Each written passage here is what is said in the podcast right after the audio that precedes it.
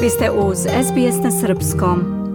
15 časova, 34 i po minuta je na našem časovniku. Ostanite sa nama, slušate program na Srpskom. Od 1. jula niz promjena u režimu oporezivanja u Australiji stupit će na snagu, uključujući kriptooporezivanje, minimalne plate, penzione fondove i cenu energenata, piše Esam Al-Galib za SBS News. Svaka nova finansijska godina donosi promjene u porezkom režimu Australija. 2022. nije ništa drugačija. Ovog puta Australijska porezka uprava je identifikovala kapitalnu dobit, uključujući oprezivanje kapitalne dobiti od razmene kriptovalutama kao jedan od svojih ključnih fokusa ove godine. Ovo je jedna od brojnih promjena u porezkom sistemu koje stupaju na snagu od 1. jula. Pomoćnik poverenika Australijske porezke uprave Tim Law kaže da će se pomenute promjene odraziti i na penzione fondove, odnosno superfunds. From 1 July, employees will be eligible for the super guarantee regardless of how much they earn. This is because the Od 1. jula zaposleni će morati imati pravo na zagarantovani minimum koji poslodavci moraju da uplate u njihov penzioni fond, odnosno super garantiji bez obzira na to koliko zarađuju. To je zato što se ukida prag zarade od 450 dolara mesečno, do kojeg su poslodavci do sada morali da plaćaju super garanti. Tako da zaposleni koji su mlađi od 18 godina i dalje moraju da rade više od 30 sati nedeljno da bi ispunili uslove za super garanti. Stopa zagarantovanog minimuma koji su poslodavci obavezni da plaćaju također će se povećati sa 10% na 10,5%, što znači da će poslodavci morati da koriste novu stopu za izračunavanje super isplata za sve platne periode na dan ili nakon 1. jula, čak i za posao obavljen pre tog datuma. A od 1. jula, ako imate 60 ili više godina, možda ćete imati pravo da date takozvani doprinos za smanjenje doprinosa nakon oporezivanja od prihoda od prodaje ili delimične prodaje vašeg doma u iznosu do 300.000 dolara. Ranije taj starosni prag bio je 65 godina ili više. Također od 1. jula više od 10 miliona australijanaca će dobiti jednokratnu naknadu od 420 dolara za troškove života. Taj offset predstavlja smanjenje oporezive plate pojedinaca i bit će dodat postojećem offsetu poreza na niski i srednji dohodak. Gospodin Loh objašnjava. Look, the low and middle income tax offset uh, has been increased for the 21-22 financial year. Offset donjeg i srednjeg prihoda je povećan za finansijsku godinu 2021-2022 za iznose između 675 i 1500 dolara za prihode do 126.000 dolara. Poreska uprava ATO će vam automatski izračunati offset na dohodak od nižeg do srednjeg i ono što će učiniti vaš offset poreza na dohodak od nižeg do srednjeg jeste da će smanjiti vaš poreski račun između 675 i 1000 dolara. To je nepovratan offset, tako da će samo smanjiti iznos poreza koji plaćate. To neće biti dodatni povraćaj za poreske obveznike, kaže on. Minimalna plata će također porasti za 5,2 od 100 na 21,38 dolara, što predstavlja povećanje nedeljne plate od 40 dolara na bazi 38-časovne nedelje za zaposlene sa punim radnim vremenom. Povećana je i subvencija za brigu o deci. Porodice sa više od jednog deteta uzrasta od 5 godina ili mlađe dobit će višu stopu subvencije za brigu o deci, također poznatu kao CSS za drugo ili treće dete i više dece. Također postoje velike promjene u programu za traženje posla Job Seeker. Oni na, koji su na programu Job Seeker, koji trenutno treba da se prijave za 20 poslova svakog meseca da bi primili uplatu, bit će premešteni na sistem za aktivaciju zasnovan na bodovima PBAS skraćeno.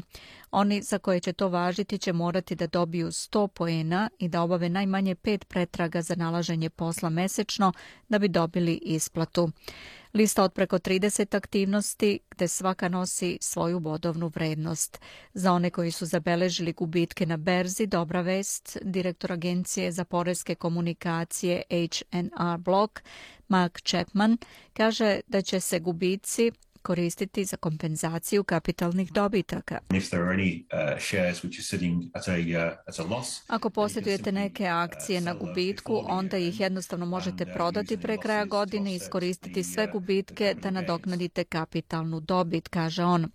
Harris Dell je advokat, specijalista za poreske poslove u firmi Kadina Legal i on upozorava na nove promene u trgovanju kriptovalutama i oporezivanju.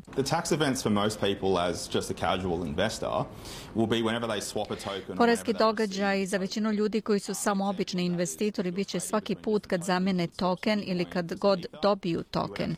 Primjer za to bi bio ako trgujete između različitih tokena, zamenili biste neki bitcoin za neki ether. Zapravo biste pokrenuli oporezivi događaj i morate da izračunate svoj porez na kapitalnu dobit na svaku transakciju koju obavite i postoji uobičajena zabluda u koju se uhvate neki investitori kako objašnjava gospodin Dell. I have a conversation at least uh, two or three times a week with someone who who says that um their cryptocurrency Razgovaram najmanje dva ili tri puta nedeljno sa nekim ko kaže da njihova dobit od kriptovalute nije oporeziva osim ako je ne zamene nazad u australijske dolare i to jednostavno nije tačno.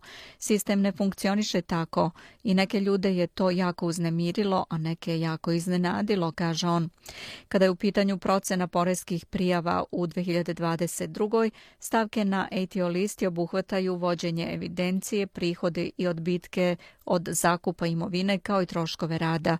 Kada je u pitanju maksimalno klemovanje u poreskim prijavama za preduzeća, direktor Agencije za poreske komunikacije H&R Block, Mark Chapman, kaže da preduzeća mogu zatražiti momentalni otpis kupljene imovine, ali to mora da se uradi do kraja radnog vremena u četvrtak u 17 časova 30. juna ove godine. Veoma je kasno u ovoj finansijskoj godini da se uradi bilo šta proaktivno, ali ako ste vlasnik malog preduzeća, još uvijek možete da iskoristite prednosti privremene pune potrošnje koje je trenutno obrazovanje za kapitalna sredstva. Dakle, Ako izađete i kupite, na primjer, novi automobil ili laptop ili glavni deo opreme za vaše poslovanje, možete zatražiti trenutni otpis te imovine na račun vašeg profita pod uslovom da je sredstvo u osnovi instalirano u vašem preduzeću do kraja radnog vremena u četvrtak. Dakle, prilično malo vremena, ali svakako vredi pogledati ako želite da to iskoristite, kaže on. Mark Chapman kaže da postoji ogroman disparitet između onoga što poreski obveznici zapravo plaćaju i onoga što ATO misli da bi oni trebalo da plaćaju. Yeah, well, it's probably not a good idea to uh, to to to bend or break the rules as as uh, as as as you put it. Uh, basically the ATO has got a real focus on Verovatno nije dobra ideja prekršiti pravila. U suštini ATO ove godine stvarno fokusiran na troškove vezane za posao. Oni smatraju da su mnogi ljudi to zloupotrebljavali u posljednjih nekoliko godina. Postoji nešto kao gap od 8,4 milijardi dolara između onoga što poreski obveznici zapravo plaćaju i onoga što ATO misli da bi oni trebalo da plaćaju, a mnogo toga se nadoknađuje troškovinama vezanim za posao. ATO će pažljivo gledati vaše troškove vezane za posao, oni će također posmatrati kapitalne dobitke na nekretninama, akcijama, kriptovalutama i odbicima koje tražite na nekretnine za iznajmljivanje, kaže on. Ako uradite sve kako treba pre nego što predate poresku prijavu, možete sebe poštediti glavobolje kasnije. It is quite time Prilično je vremenski ograničeno, očigledno da kad ste tako blizu kraja finansijske godine morate odmah da preduzmete akciju, kaže on. Ostanite sa nama, slušate program na srpskom. Želite da čujete još priča poput ove? Slušajte nas na Apple Podcast, Google Podcast, Spotify ili odakle god slušate podcast.